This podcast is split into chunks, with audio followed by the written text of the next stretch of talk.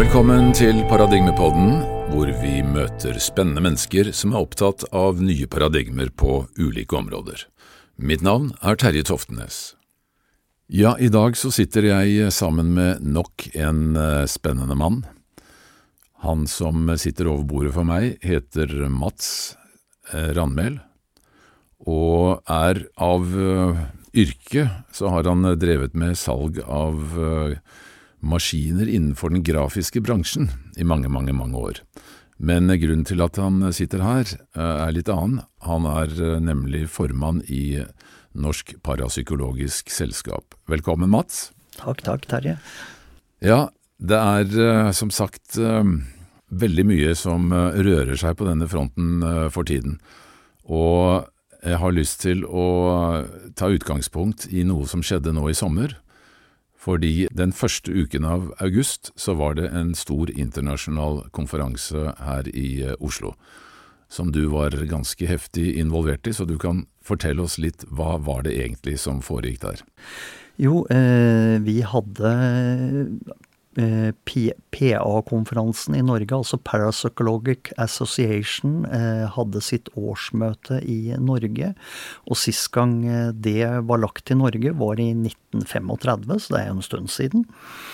Og eh, det foregår annethvert år, enten i Europa og det andre året i Amerika, eller Nord- eller Sør-Amerika. Så det er jo litt stas å kunne ha det her i Norge, da. Og Det er altså den konferansen som uh, samler uh, paras, altså forskere innenfor parapsykologi fra alle verdens kanter for å presentere uh, de siste forskningsstudiene. stemmer det? Ja. ja. Ordentlig hardcore forskning, for å si det sånn. Og nå var jo også undertegnede til stede der, jeg må si, røpe det. Og det var vel noe sånt som 30 forskjellige foredrag over tre dager fra morgen til kveld, og veldig, veldig høy kvalitet og standard. Men kan du si litt om uh, altså hvor står denne forskningen i dag? For den er jo ikke ny, den er jo holdt på i over 100 år. Altså, har vi funnet ut hva parapsykologiske fenomener egentlig er? Hva, kan, hva, mener du om det, Mats? Jo, det finnes jo eh, voldsomt mye forskning, og det er skrevet eh, hyllemeter på hyllemeter med bøker om dette her.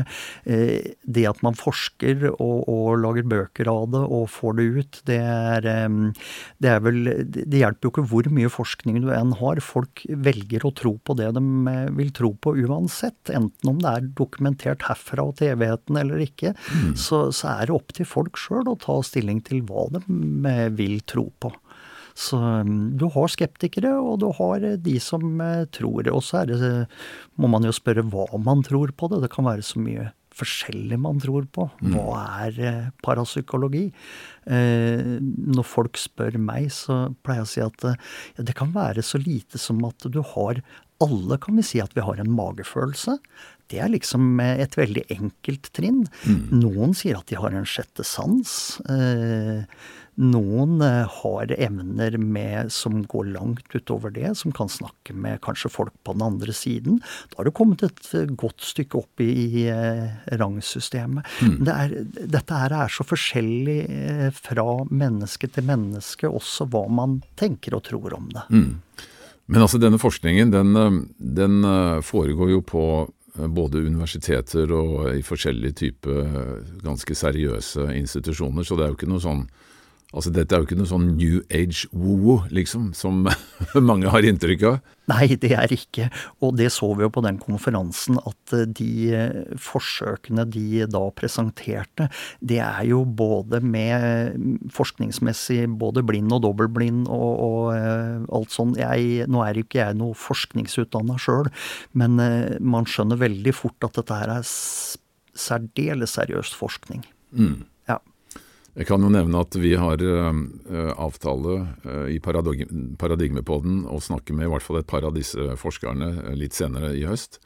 Så det blir også veldig spennende, da. Men det er jo spesielt da i, altså i England så har jo dette vært et fag på, på flere universiteter, faktisk. Stemmer ikke det? Det stemmer, det stemmer. England har jo eh, noen universiteter som forsker på dette, og så har de også et college, eh, faktisk. Arthur Finley College, som jeg nesten har lyst til å slå et lite slag for. Der utdanner de medium og healere, og det er vel det eneste colleget av sin art, så vidt jeg vet om, i verden, som er storslåtte omgivelser. Så det ja. Men altså all denne forskningen da, på forskjellige steder i verden, det må jo kunne tas som en bekreftelse på at dette er helt reelle fenomener? Absolutt. Kan vi si at uh, paranormale fenomener egentlig er normale fenomener? Det er det jo for mange. Og, og um bare ta en eh, så enkel ting, da, eh, når, når, du snakker om dette her. Jo, jeg opplever vardøger. Det er noe nesten alle gjør. Ja, Men det er jo et paranormalt fenomen, det også. Er, eh, man har labla det som vardøger, og det, da høres det veldig ufarlig ut, ikke sant. Mm, mm. Ja. Det, sånn er det med mange av tingene. Men du, hvis du eh, kunne nevne da noen av disse viktigste øh, områdene innenfor øh, parapsykologien som det forskes, eller har vært forsket mye på, hva vil du trekke fram da? Av øh, de 18 områdene, hvis jeg bare skulle ta frem noen ta 18 øh, områder? Det er såpass mange? 18 områder, det er såpass mange. Okay. Og det har vi jo øh, for så vidt en god oversikt over i bladet vårt, eh, Parapsykologiske notiser, da, som kommer ut et par ganger i året. Eh, jeg har lyst til å bare trekke ut noen, noen få av dem, for man klarer ikke å huske alle allikevel. Eh, telepati er jo noe som er forsket mye på. Det sier seg jo sjøl hva det er. Mm, og mm. det er rett og slett hvorvidt man kan gjøre bruk av tankeoverføring. Og det, det, er også noe som er lett å, å, forske på, for det er veldig, veldig greit også å sette opp et greit eksperiment på det. Mm, mm. Vi, det, vi, har jo hatt folk i paradigme på den tidligere som har nettopp drevet med forskning på det, så det er jo et uh, ekstremt godt dokumentert fenomen. Ja, ja. Vi har healing. Uh, vi har jo, healing er jo dokumentert noen tusen år tilbake. Hvis du går helt tilbake, så var vel den eh, eh, han som ble kalt Jesus, han, eh, han hila jo veldig mange mennesker. Og det er vel ikke noe som er mer dokumentert enn det oppover. Og det har jo vært mange fantastiske mennesker opp gjennom tidene. Og jeg vil vel nesten avslutte med Joralf Gjerstad som, som Jeg mener 50 000 nordmenn kan ikke ta feil, tenker jeg. Snåsamannen. Snåsamannen, ja. ja. Ja. Og, eh, og, det er mange, mange dyktige healere. Vi har jo Marcello Haugen også, for de som eh, er litt eldre, og som mm. har hørt mange, mange historier. Det er fortsatt mye healere der ute som kan gjøre en fantastisk jobb. Men det er også folk som kan utgi seg for å være det som man skal være, litt mm. bevisst og forsiktig. Ja. Eh, klarhørsel og klarsyn er jo også ting som eh, eh Klarhørsel det er jo at man eh, Eh, hører ting, og så begynner man å lure på er det noe gærent med meg, men det er faktisk åndeverden som kan gi deg beskjed. Så det er stemmer som du hører, stemmer, inni, ja. hører inni hodet, eller ja. hører i rommet, eller? Ja, inni hodet eller i rommet. Ja. Eh, klarsyn er jo eh, clairvoyance, altså folk som er klarsynte, de ser jo gjerne ting. Ja. Og kan eh, formidle det til, eh, til folk, da. Ja. Så det, er også mange dyktige av det her i landet. Ja. ja. Det er bare noen, eh, noen men, men, hva med sånn, altså det vi kaller for mediumskap? Uh, ja, de, de, er jo gjerne klarsynte. De er klarsynte, ja. ja. Og de har jo gjerne Eller eh, klarhørsel. Eller mm. at de bare rett og slett får bilder inn i hodet sitt av, av det de skal formidle. Mm, mm. mm. Men uh, nå har du ved par anledninger her nevnt åndeverden. Ja. Og det er jo noe som uh, veldig mange vil uh, trekke litt på smilebåndet av, mens andre tar meget seriøst. Uh, og hvordan vil du forklare, altså hvordan forestiller du deg da at dette her er? Altså Betyr det at det er avdøde mennesker som, som da eksisterer rundt oss fremdeles? Ja, det, det var vel egentlig godt forklart. Det tror jeg at det er, og eh, grunnen til at jeg tror det, er at eh, man har jo sett mye opp gjennom livet der, eh, der det faktisk ser at det stemmer. Men det der må nesten være opp til hver enkelt hvordan man kjenner sjøl mm. på det. Mm. Ja. Vi har jo hatt TV-programmer, Åndenes makt og, og andre lignende programmer som på en måte har prøvd å utforske den eh, siden ved tilværelsen, for å si det sånn. Ja. Den siden av virkeligheten, og mange av disse har jo vært ganske eksepsjonelle, da. ja. Jeg har jo eh, for så vidt delt eh, Grunnen til at jeg sier det, jeg har delt livet mitt og vært gift eh, med, med Annike, og eh, hun var en eh, klarsynt. Eh, ikke når vi møttes, men eh, evnene kom etter hvert, og de har nok vært der hele veien. Men eh, da har man jo levd veldig tett innpå det. Mm. Så man har utrolig mye historier som man har både sett og fått og ja. Kan, du Vært med på. kan du fortelle en av de historiene? Um, og en som gikk bort eh, i en alder av slutten av 20-årene. Okay. Og så hadde det samla sammen noen, eh, noen hjemme i stua vår. Og så, og så eh, satte Jannik seg ned og liksom inviterte åndeverdenen inn. Og, ehm, og eh, plutselig så blir hun litt rar i, i kroppen. Så begynner hun å snakke med vedkommende eh, med hans stemme. Altså, eller hun lo akkurat sånn som han lo. og Folk blei jo helt satt ut. eh, I tillegg så begynte det en lampe på siden eh, av oss og begynte å blinke. Eh, så det var jo ikke tvil om at eh, vedkommende var til stede.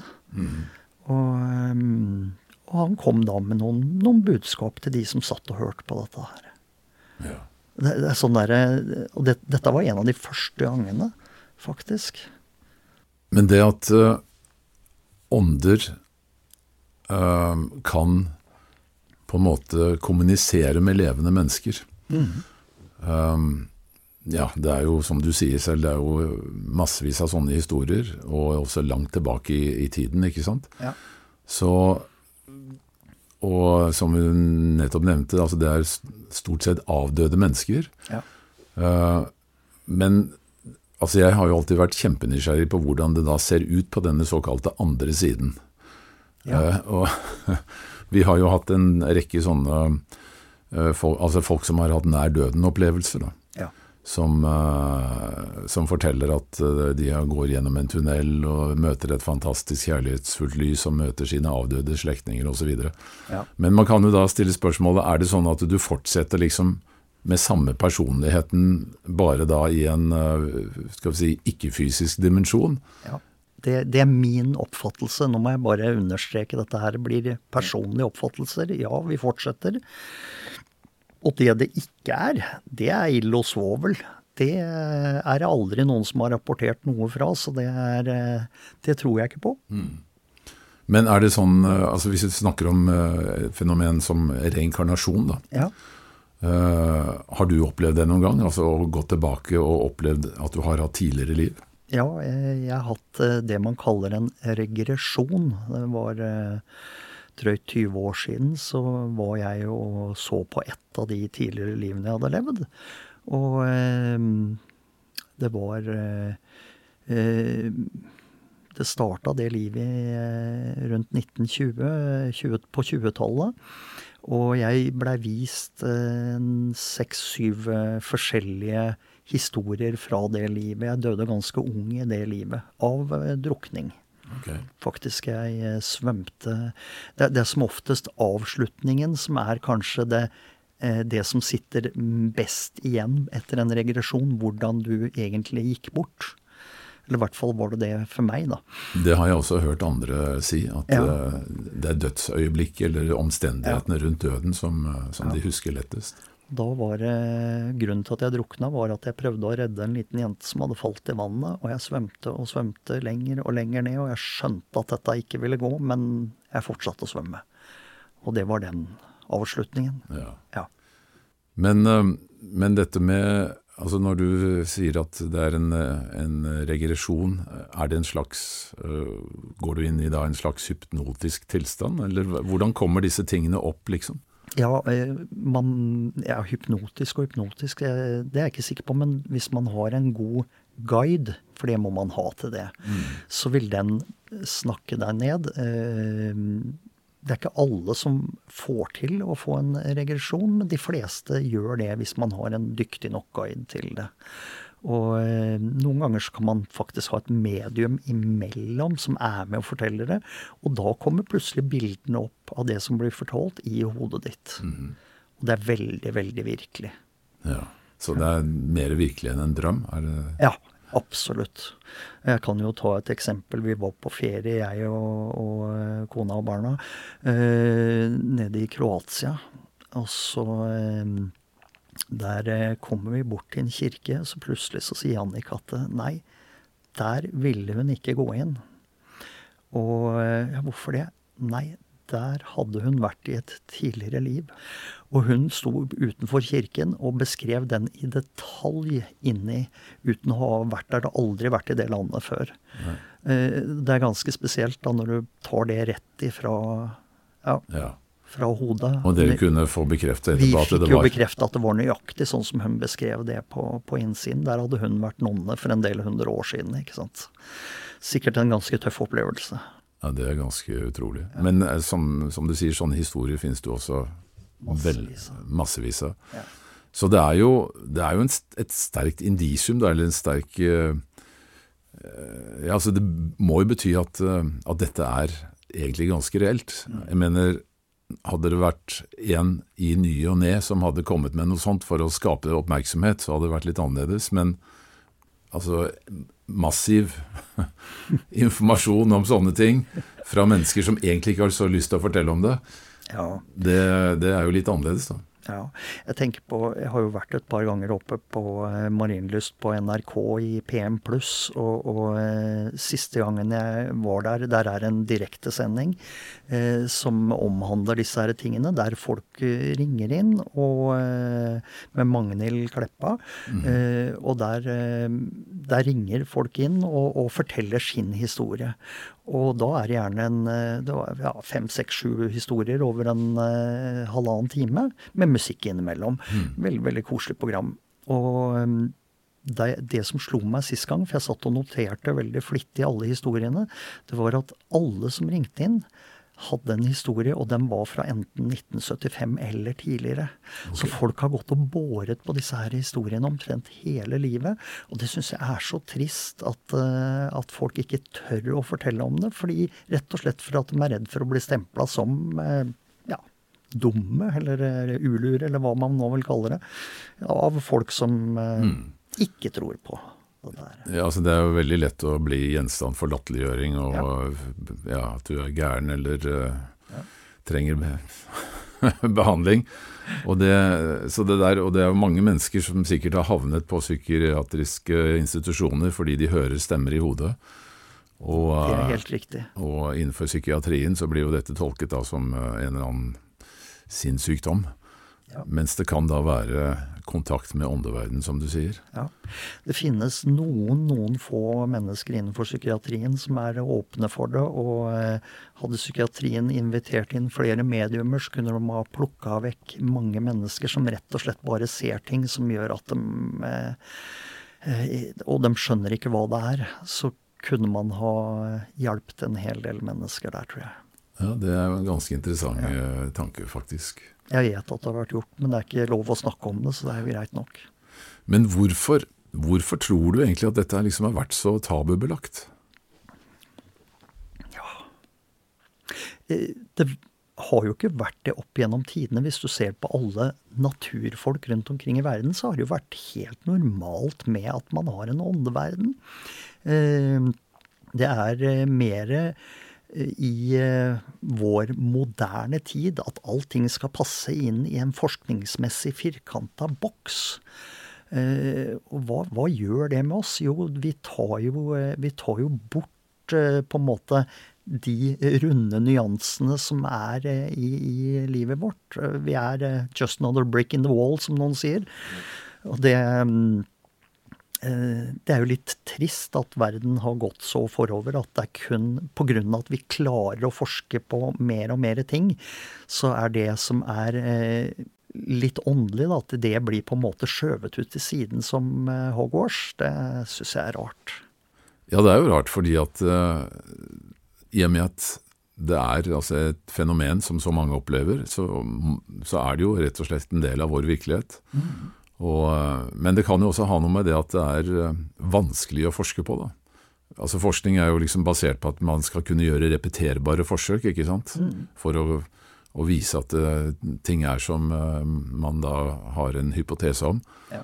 Men det er kanskje ikke så lett å gjøre repeterbare forsøk på samme måte med, med denne type fenomener, da, eller evner, som enkelte har?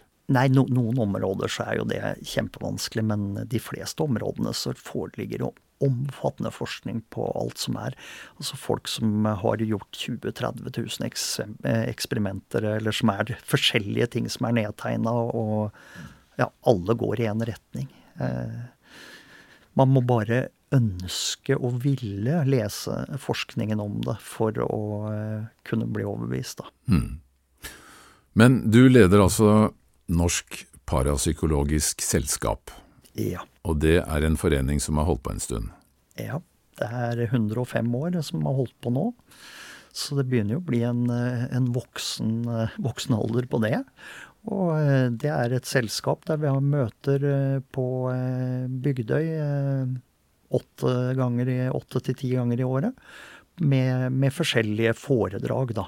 Eh, det drives ikke så mye forskning i Norge, men vi, eh, til våren så tror jeg vi skal ha inn noen forskere som eh, forsker på dette i Norge. Det er ikke lenge siden dere også hadde en sånn skal vi si, nærdøden-konferanse ja, med, med, flere engelske forskere fra ja. universitetet i England. Ja. Jeg, må, jeg, var jo der selv, så jeg må, jeg må jo få lov til å nevne det. Jeg syns det var kjempeinteressant. Ja og dere utgir også da dette bladet, Parapsykologiske notiser, ja. som kommer ut hvor ofte? Eh, to ganger i året. Ja. ja. Og det er eh, et, også et blad som jeg vil anbefale, fordi det er veldig mange spennende og interessante, godt skrevet artikler der. Mm. Men igjen, um, du nevner jo dette at folk som kommer frem, står frem med disse tingene, ofte har båret på det i, i mange, mange, mange år. Ja. Uh, hvordan tror du altså Unge mennesker da, som møter disse fenomenene, ser du at det er noe utvikling her på, på, altså i form av at det blir mer akseptert, at det er unge mennesker som, som uh, er villige til å fortelle om ting som de har opplevd, eller er det fremdeles liksom et sånt tema som skal uh, holdes i det skjulte? Hvis du starter i bånn, da, riktige unge mennesker, dvs. Si barn, de, jo, de har jo sin egen Skybert som de prater med. Og, og, der er det jo eh, dessverre vi voksne som eh, avfeier dette her som tull. Men de fleste barn snakker jo faktisk med Det kan være en eh, fa familiemedlem som har gått bort, eller en bestefar eller et eller annet sånt noe som er i åndeverden, som de prater med. Og så til slutt, når man vokser opp og begynner på skole og, og sånn, så får man vite at nei, dette her er jo bare tull. Mm. Så det, det, er Det kan vi ikke Det står ikke i eh, planen på skolen, så da, da er hun tulling. Ja vel man er jo vanskelig formelig som eh, skoleelev oppover, og, og, til slutt så forsvinner jo de evnene fordi at man eh, har fått vite at dette her er, stemmer ikke. Mm. Og så er det noen få som henger igjen, som fortsatt ser ting, kanskje hører ting, og som skjønner at jøss, men dette må jo være noe. Det er de som gjerne søker mm. videre på det. Mm. Men i dag, eh, ungdommen som vokser opp, de har jo så vanvittig vanvittig mye stimuli rundt seg hele tida. Hvordan skal de kunne fange opp noe av dette her? Mm. Det, det, er meg ganske uforståelig. Ja. ja. Du har jo et, også et profesjonelt liv innenfor en vanlig eh, skal vi si, næringsvirksomhet. Ja. Um, hvordan har du vært eh, altså Er du åpen overfor mennesker du treffer, eller er du også forsiktig å snakke om dette her til si, alt fra kunder til, til kollegaer og sånne ting? Eh, man skal være litt eh, litt forsiktig i arbeidslivet og gå Det viktigste altså, Man må ikke bli sett på som en misjonær for noe, for det liker ikke mennesker. Men folk som forteller historier, så kan man da bekrefte at jo, men eh, sånn er det. Og det er for så vidt hyggelig, men det er ikke noe man går og snakker om eh, til dagligdags eh, med, med, veldig mye mennesker. Det er det ikke. Men hvordan var det du kom inn eh, på dette området i utgangspunktet? Har du fulgt det hele livet ditt? Jeg har vel alltid følt at det har vært noe mer mellom himmel og jord siden jeg var ungdom. Det som på en måte satte fart i det, det var jo at vi hadde en lyskrone som sto og svingte veldig på soveværelset vårt i to år, og skjønte at det var noen som ville ha kontakt, og det var det. Og når da min, min eks oppdaget sine evner og, ble et veldig, veldig habilt medium, så, så fikk man jo på en måte dette her inn fra sidelinja, da. Mm. Og, og, jeg skjønte det, hun eh, benekta det til å begynne med. Nei, det kan jo ikke være sånn, men det var jo absolutt. Mm, mm. Ja. Så, men eh, altså, i Norge så har vi jo hatt uh, en god del medier, som du nevner. Mm. Og um, du nevnte bl.a. Mar Marcello Haugen, som kanskje er en av de mest kjente. Kan du fortelle litt om han? Hvem var han egentlig? Hvem var Marcello Haugen? Han var jo både eh, klarsynt og healer. Han har jo eh, gjort fantastiske eh, alle, som er eh, kanskje 60-70-80 og oppover, har hørt om Marcello Haugen. Hva han egentlig utretta. Vi har jo hatt egne, egne deler om det ute på, på Bygdøy, på seminarer. Mm. Men når var det han virket? Var det sånn Han øh, Når var han mest aktiv, liksom? Mest aktiv begynnelsen av 1900-tallet. Han døde vel i Hva var det? Uh, slutten av 60-tallet. Han forutså jo sin egen dødsdag, og han, han hadde virkelig evner. Han, han kunne helbrede ganske mye mennesker, og så kunne han fortelle at dette kan ikke jeg gjøre noe med. Egentlig samme som gjorde Alf, og så fikk man uh, gå til hjelps andre steder. Mm. Men, uh, men, hans klarsynthet var jo ganske enorm også. Mm. Ja, jeg tror nesten man må lese et par bøker av han for å skjønne, mm, mm. skjønne hva Han er jo viden kjent. Ja. Og jeg kan jo selv fortelle en liten interessant ting som jeg hørte om han. Um, fordi uh, under OL på Lillehammer Han var jo fra Lillehammer-området, var han ikke det? Ja. Jeg var der han hadde sin eh, Han var fra Kongsberg. Det var der han var født og oppvokst. Ja. Men, Men, han avslutta livet på Lillehammer. Ja. ja. Men da eh, jeg jobbet der oppe for NRK på den, eh, på den tiden, under, eh, under Lillehammer-OL, og da uh, satt vi en kveld og pratet med, med bl.a. en av disse han Petter Nå husker jeg ikke etternavnet, men en av de som hadde vært med å initiere hele greia. Og så fortalte han det at um, Marcello Haugen hadde tidlig på 50-tallet, altså jeg tror det var 1903 eller 54, uh, uttalt at det mot rett før årtusenskiftet så skulle det være et stort idrettsarrangement på Lillehammer, og det skulle vare i 17 dager, og det skulle komme folk, fra hele verden, men det skulle være grusomt kaldt hele tiden. Og dette eh, var jo det som skjedde, altså vi med OL som varte i 17 dager, og det var jo helt utrolig det som eh, altså skjedde der oppe, fordi uka før jeg, jeg, var der oppe, kom en uh, ti dager før det starta, og da var det et møkkavær. Altså med sludd og uh, slaps og tåke, så alle gikk jo rundt og var temmelig anspent på hvordan dette her skulle være. Og idet den åpningsseremonien starter, så klarner været opp, og så er det altså 17 dager med fantastisk solskinn, ikke en sky på himmelen. 20 minus, riktignok. Og idet avslutningsseremonien går på TV, så kommer de første snøfnuggene, og uka etter er det bare møkkavær igjen. Ja. Altså det var helt Det var altså som Det var akkurat som om noen holdt en hånd over det der. Ja. Uh, men den spådommen hans, den uh, stemte da 100% så det er um, Ja. Uh, men vi har jo også hatt mange andre store medier i Norge. Anna Elisabeth Westerlund. Mm -hmm. Er det andre du Ja, du, du nevnte jo Jorolf, altså Snåsamannen. Eh, kan du si litt om han? Altså hva slags Eh, en mann som, eh, som eh, har behandla eller hatt hånda på borti 50 000 mennesker. Og, og, du har ikke hørt mange har klaga. Det har stort sett stemt alt han har sagt. Det, det, går jo ikke an å bli mer overbevist enn det. Jeg kan ikke skjønne annet. Der vil jeg vel for så vidt Jeg har jo kikka på en liten film som er lagd om han også. Det er ja, jeg rakk dessverre aldri å møte han i livet, men eh, fantastisk mann. Mm. Og han var jo også klarsynt. Mm. Men det var jo healing-biten som han er mest kjent for, da. Mm, mm.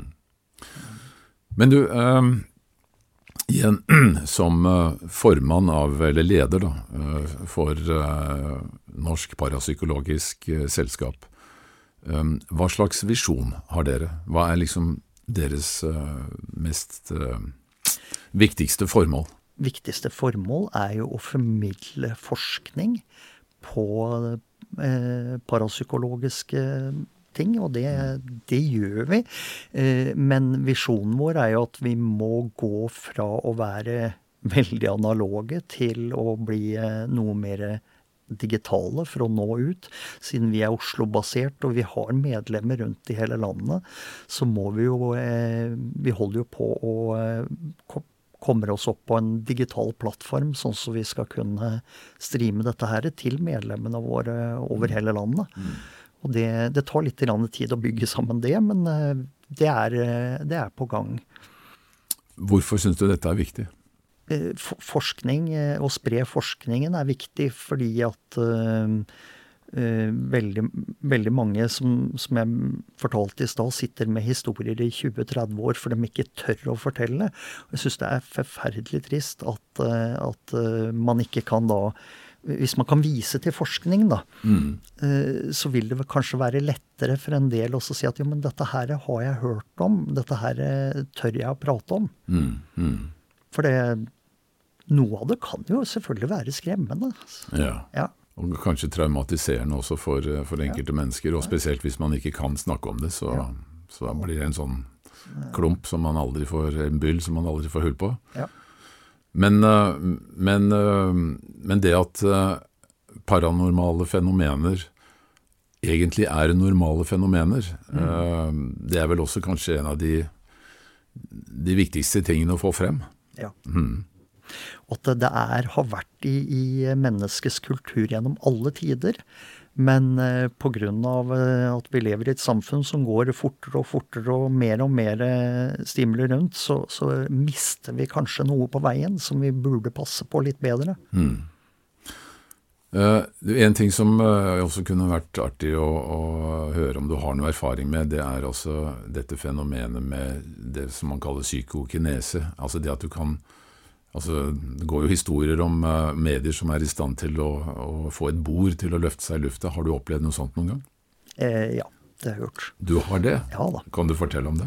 Eh, ja, altså eh, Jeg har vært med og holdt fingrene oppå et bord som har, eh, har løftet seg, men eh, det mest kjente var vel for noen år siden på messa på Lillestrøm. Eh, det var veldig mange mennesker som eh, var med på det man kaller å, løfte bord. De putter en finger på bordet, og til slutt så løp de nesten rundt eh, halve messa med dette her bordet.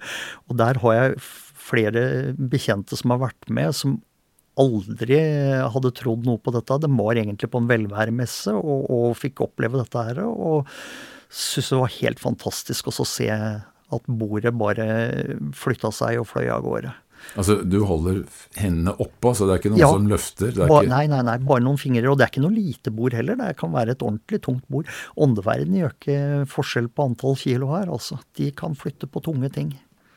Så det skjedde altså på en messe hvor ja. folk som var der, eh, fikk lov å, delta, bare med å holde på en, eh, et par fingre oppå bordet. Og det, det løfta seg og rusla rundt. Så levitasjon, som, levitasjon, liksom, ja. som er da stikk i strid med våre naturlover, ja. det er et ekte, altså et eh, reelt fenomen som, ja. som, da ble demonstrert på denne messa? Ja, man kan få det demonstrert neste uke hvis man vil. Det kommer en eh, kar fra Tyskland oppover og, og har en seanse med bordløfting. Det er en seanse som selvfølgelig koster litt penger, det må man huske på. Mm. Ja det er noe av det, kanskje det, for å runde litt av, men det er kanskje noe av det som uh, har gjort at hele denne altså typen virksomhet da, med, med altså både medier og healere og uh, klarsynte osv.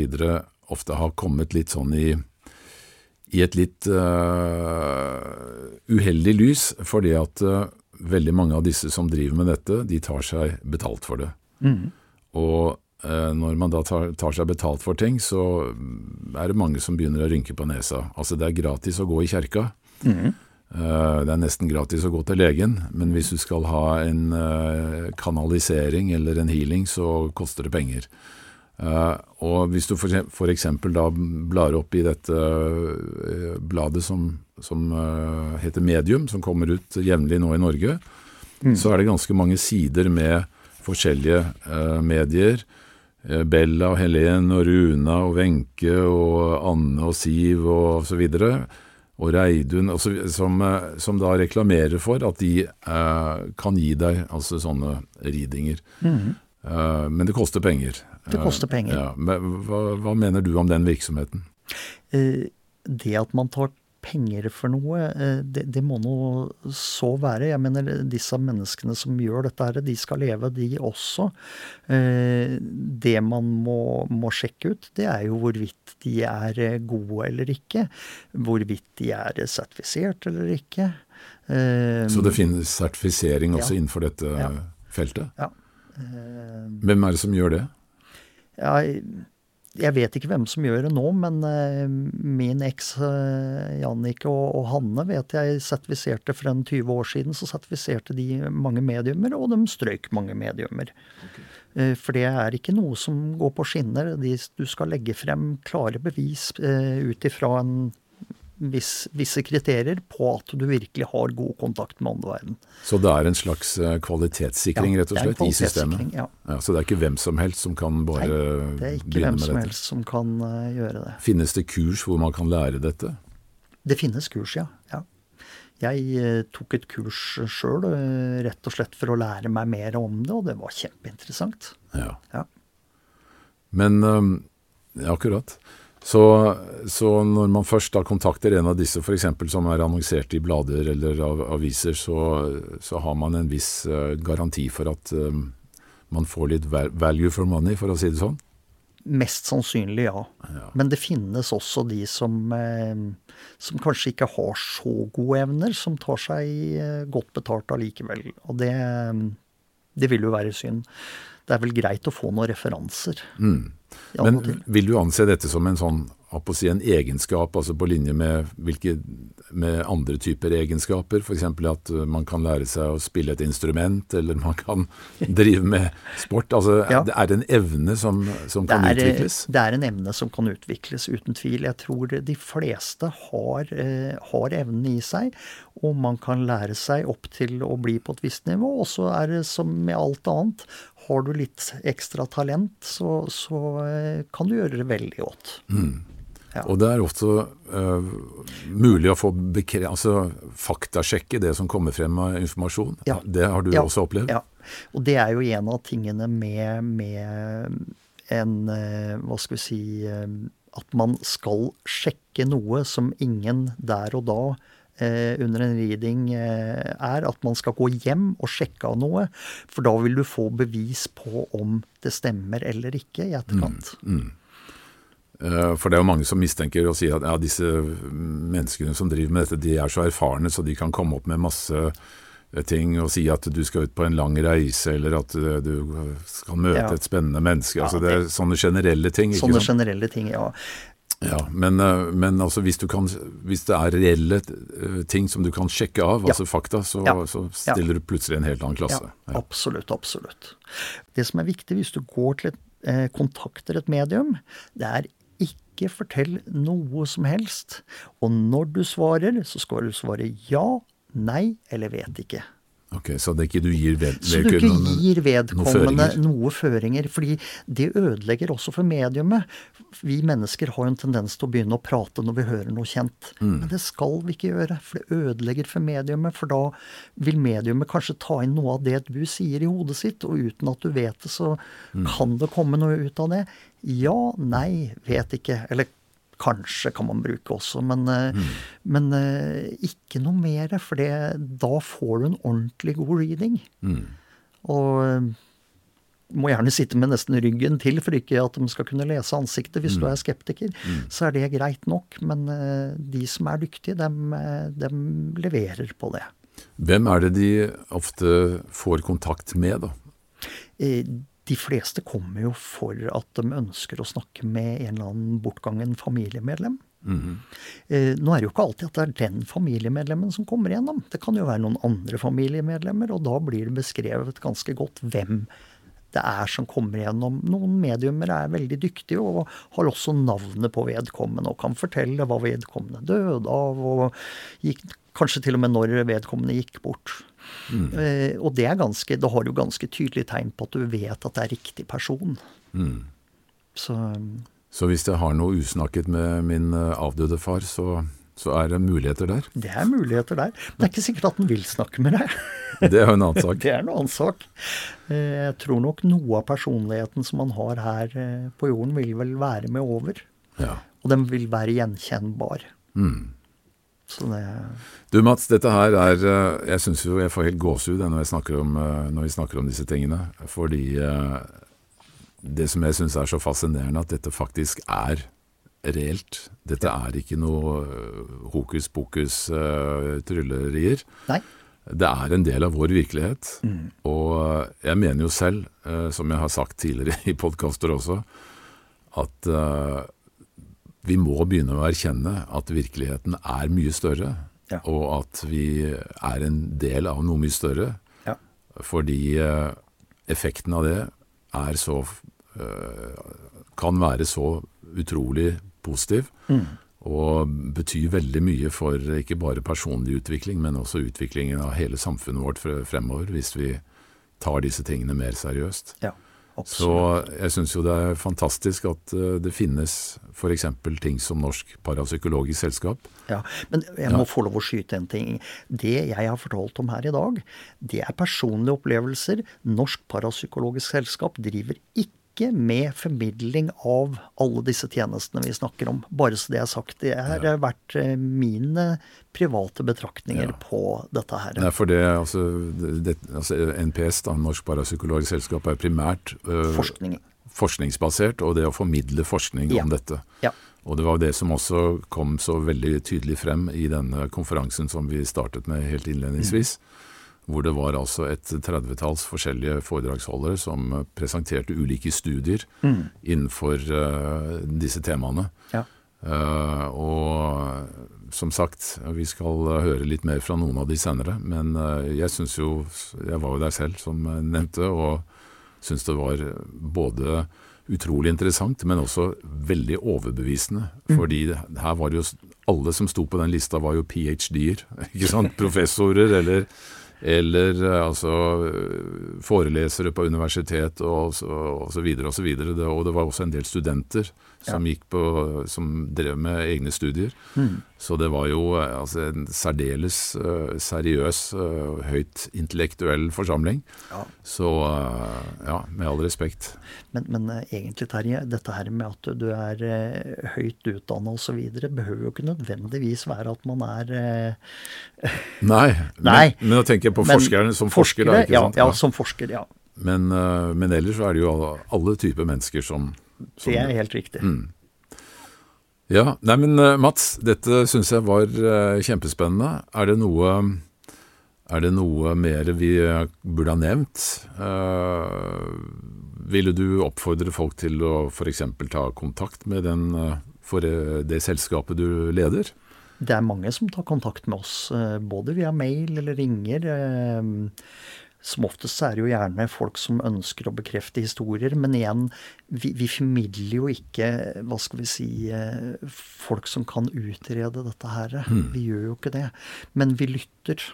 Mm. Vi lytter til folk, og det syns jeg er noe av det viktigste man kanskje gjør. Ja. Og så har dere altså da disse foredragene. Så ja. hvor vil, hva heter nettsiden deres hvis folk vil vite noe mer om, om eh, programmet, og hvordan man eventuelt kan bli medlem? Eh, Norsk Parapsykologisk Selskap. Vi er på Facebook, vi er eh, på nett. Hmm. Ja, nei, Med den oppfordringen så tror jeg vi bare sier uh, tusen takk for samtalen. Og så ønsker jeg deg lykke til videre. Takk for det, Terje. Og, og da sier jeg som Luke Skywalker, may the force be with you. takk. ok.